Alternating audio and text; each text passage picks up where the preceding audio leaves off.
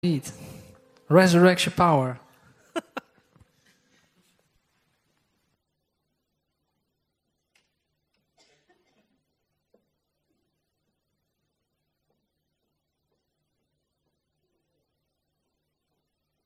Goedemorgen, goedemorgen allemaal. Test, test, test, test, test. Iets anders geluid misschien? Ja? Vind hem er erg hol klinken.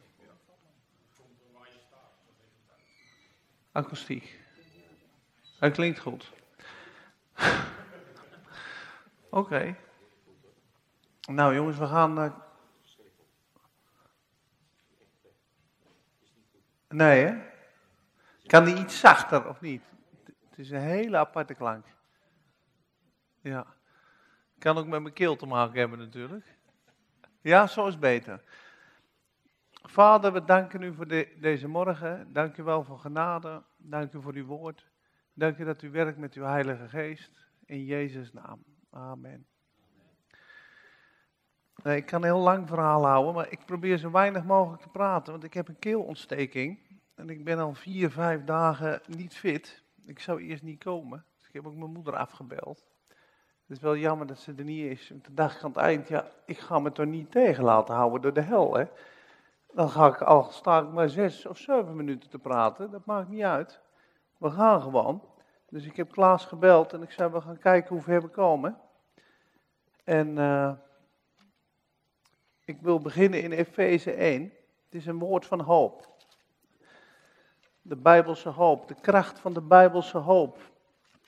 Ik kan mijn mond niet helemaal open doen, dus als ik een iets andere klank heb, dan uh, weet je wat vandaan komt.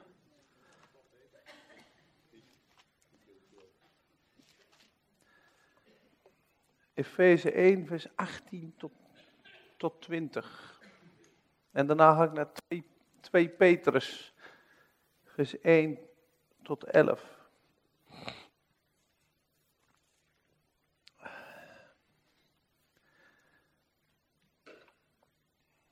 Ik begin even in vers 17. Opdat de God van onze Heer Jezus Christus, de Vader van de heerlijkheid, u de geest van wijsheid en van openbaring geeft in het kennen van Hem.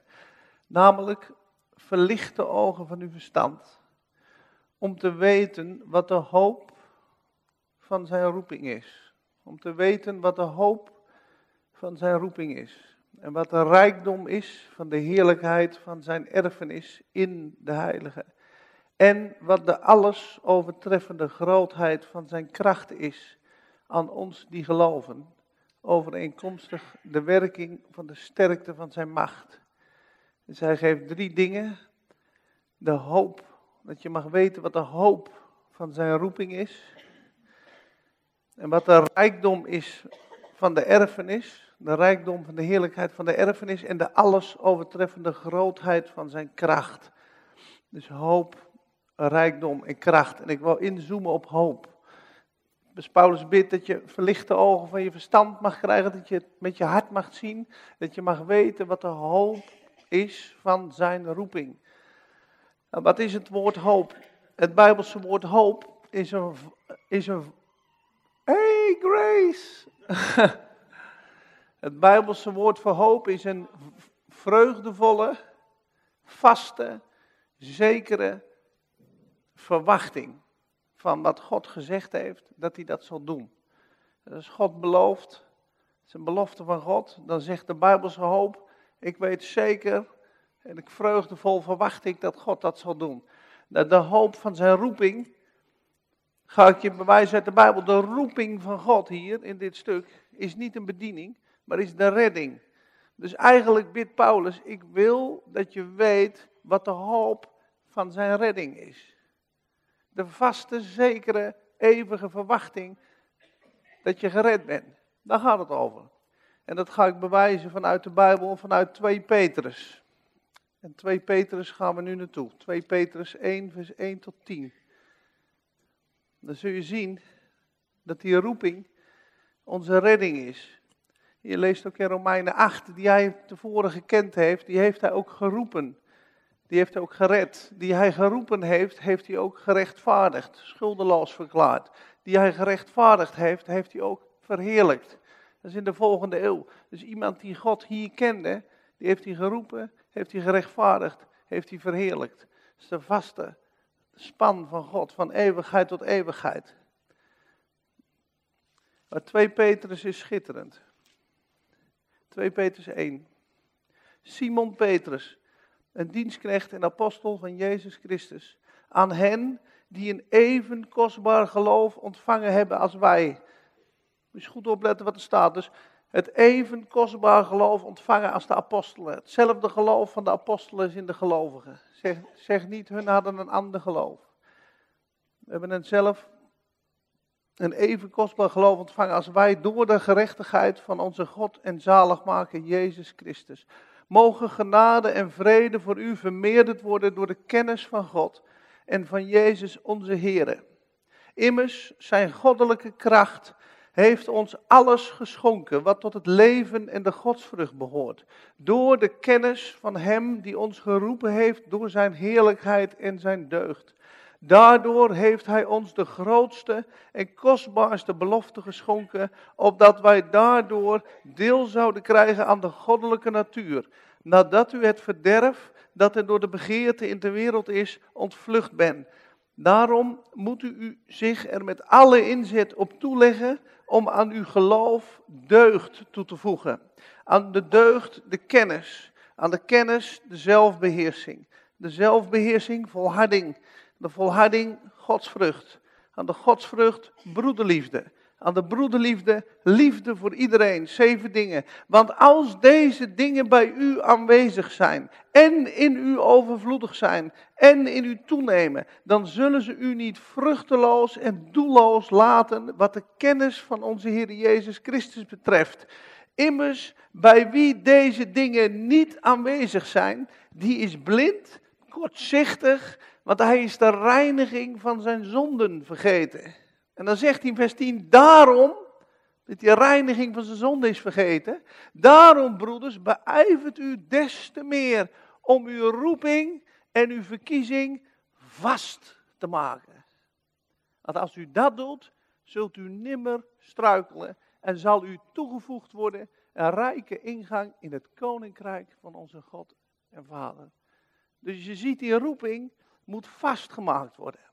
Die roeping doet ons niet struikelen. Die roeping en die hoop is het vaste anker voor de storm. Vaste anker in moeilijke tijden. Vaste anker. Ik heb het onderlaatst op YouTube nog gedeeld uit Colossense. Dat de hoop is de brandstof van onze liefde en ons geloof. Een hart wat geen hoop heeft, wordt ziek. Dat heeft geen geloof, dat heeft geen liefde, dat keert naar binnen. Dus we moeten vol zijn van hoop. Hebreeën 6 spreekt de volle zekerheid van de hoop.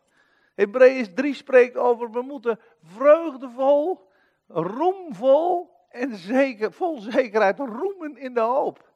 Dat is juichen in de hoop, zeker zijn in de hoop, vreugdevol in de hoop. Ik kan niet meer stuk. Dat moet uit ons hart galmen. Ik kan niet meer stuk. Maar dat zegt hij. En dan moest kijken, dus de zeven dingen die toegevoegd moeten worden aan het geloof, worden bekrachtigd door die redding. Want hij zegt, bij wie deze dingen niet aanwezig zijn, die is vergeten dat hij gereinigd is van zijn vroegere zonde. Die is blind en kan van verre niet zien. Dus die moet zo, zo dingen kijken, die is blind geworden. Dus wat opent je ogen? Zie je het? Dat als je zonde totaal vergeven zijn, dat je alleen maar op Jezus ziet. Dat alle sluiers van je ogen afvallen. En dat je ziet, en dat je ineens aan je geloof de deugd toevoegt. De deugd, een deugdelijke vrouw. En Rut was bijvoorbeeld een deugdelijke vrouw. Een deugdelijke vrouw, Rut. En aan de deugd de kennis. In het geloof. De kennis, de leidzaamheid. Het geduld, de zachtmoedigheid, de godzaligheid, broederliefde, liefde jegens alles. Als deze dingen in u zijn en overvloedig in u worden, zullen ze u niet onkundig en onvruchtbaar laten in de kennis van onze Heer Jezus Christus. Nou, als je goed kijkt in dit stukje, De kennis van onze Heer Jezus Christus maakt dat de genade en de vrede vermenigvuldigd wordt. Kijk maar eens wat hij zegt. Vers 2. Mogen genade en vrede voor u vermenigvuldigd worden door de kennis van God en van onze Heer Jezus Christus. Dus het kennen van God vermenigvuldigt de genade en de vrede. En eigenlijk zegt Petrus, ik zal je het antwoord geven, hoe kan je God kennen? En dan zegt hij, je hebt gigantische beloften gekregen van God. Zijn goddelijke kracht heeft ons alles geschonken wat tot het leven en de godsvrucht behoort. Door de kennis, door de kennis van Hem die ons geroepen heeft, door Zijn heerlijkheid in Zijn deugd. Daardoor zijn ons de grootste en kostbaarste beloften geschonken. Die staan allemaal hier in de Bijbel. Dat door deze achtig zouden worden, batterij, dat wij deelachtig zouden worden aan de goddelijke natuur. Dus hoe meer je van de belofte van God aanvaardt en ontvangt, hoe meer je op de Heer Jezus gaat lijken. Deelachtig aan de goddelijke natuur. Nadat je, het is een mooi woord hè, van Wim over heiliging, ontvloden bent de corruptie die in de wereld is. Ik wou nog toevoegen aan dat vers in Jacobus, staat erachter hè. Toezien op weduwe en wezen en zichzelf onbesmet van de wereld bewaren, staat erachter. Maar door de deugd, nou let op, en dan zegt hij, voeg aan je geloof, dus is een christen, christen die is gered, die wil dicht bij Jezus leven, dan zegt hij, voegt aan dat geloof toe de deugd, de matigheid, kennis, leidzaamheid, godzaligheid, broederliefde, liefde. Als deze dingen in u zijn, ga je Jezus leren kennen.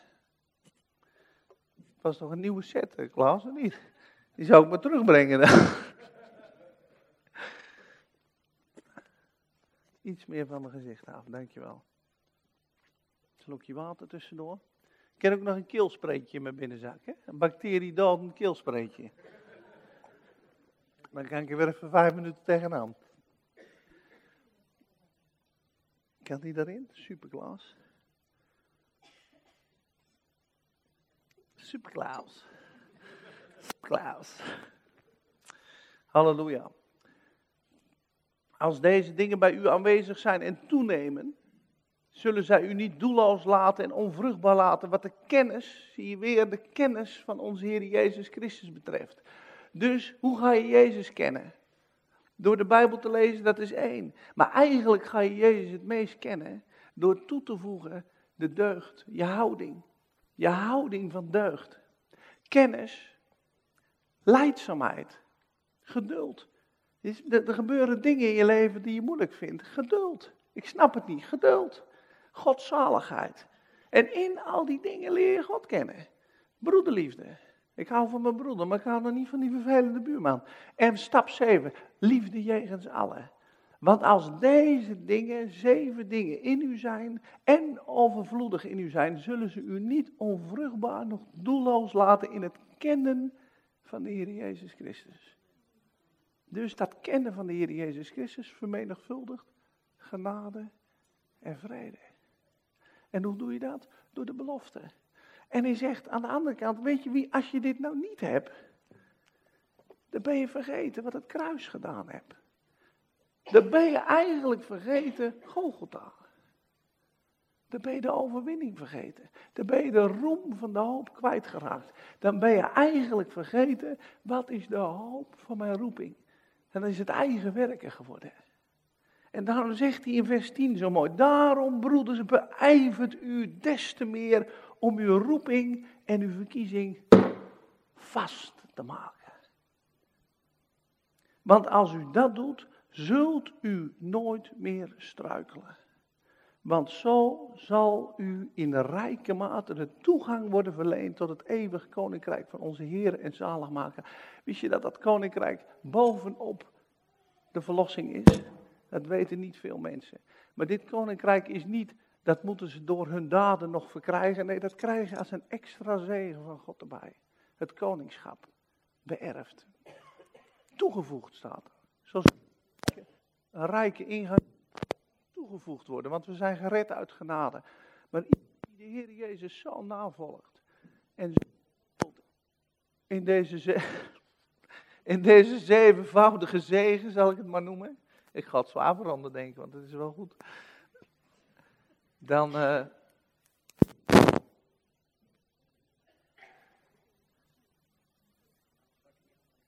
die? Zullen we het maar even doen?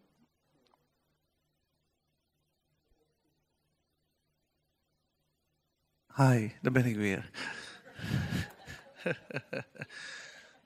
Klinkt beter, hè? Mooie stem.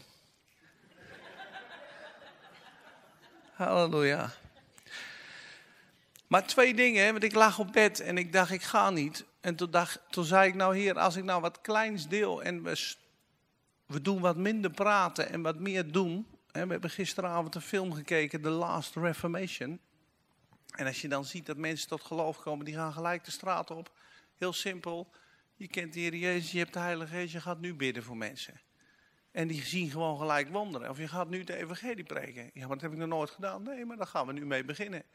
En, en de Heilige Geest is dezelfde. Dus je hoeft helemaal geen 30 jaar bekeerd te zijn om, om te getuigen. En als je dan ziet, ik heb wel eens vaker gezegd, soms praat je met iemand, maar dan ga je aan het eind van de avond bidden en dan denk je, ja, dat gesprek dat was 5%, dat gebed dat deed de rest. En dus ik wil ook, omdat we in Efeze 1 lezen, de hoop van zijn roeping, de rijkdom van zijn erfenis en de uitnemende grootheid van zijn kracht aan ons die geloven. Wie zijn dat? Dat is iedereen die hier gelooft. God heeft iedereen die gelooft een onuitnemende grootheid van zijn kracht toebedeeld in de Heilige Geest. Iedereen heeft dynamiet aan de binnenkant. Maar als je het niet gelooft, of als je denkt dat het, we hebben alleen een dominee of alleen de apostel Petrus. Nou, we hebben net gelezen. We hebben een even kostbaar geloof ontvangen als hen. Petrus was gewoon een mannetje met een grote mond. Waarschijnlijk twee tanden eruit, een visserman. Die had gewoon praatjes. En die had gewoon in Spakenburg kunnen wonen. En die deed grote dingen voor God. Maar in Galaten was hij ook weer een angsthaas. Elia was een man van gelijke bewegingen zoals wij, zegt Jacobus. Vuur van de berg Karmel en de volgende dag lag hij onder een struik te huilen. Maak mij, maak mij maar dood. Izebel komt eraan. Dus de Bijbel is geschreven aan mensen zoals jij en ik. En als de Bijbel zegt dat alle gelovigen een onovertroffen grootheid van zijn kracht hebben, dan hebben we die. En ik, ik heb jaren dan gewacht, ja, dat moet ik dan voelen of dat moet ik dan. En ik, God zegt gewoon, weet je je moet? Je moet, er gewoon, je moet er gewoon naar gaan handelen. Als nou de Bijbel zegt dat je die kracht hebt en ik ga naar Amber en ik zeg Amber, ik zegen jou in de naam van Jezus met de kracht van de Heilige Geest. En ik bid een zegen over jou. En ik bid God dat je handen gezegend mogen worden op de piano. Dat je leven verrijkt mag worden met de liefde van God, met nieuwe openbaring, met nieuwe dingen. Dat God je mag aanraken op die plekken waar je niet denkt dat je aangeraakt kan worden. En dat zijn kracht vermenigvuldigd mag worden over jou heen.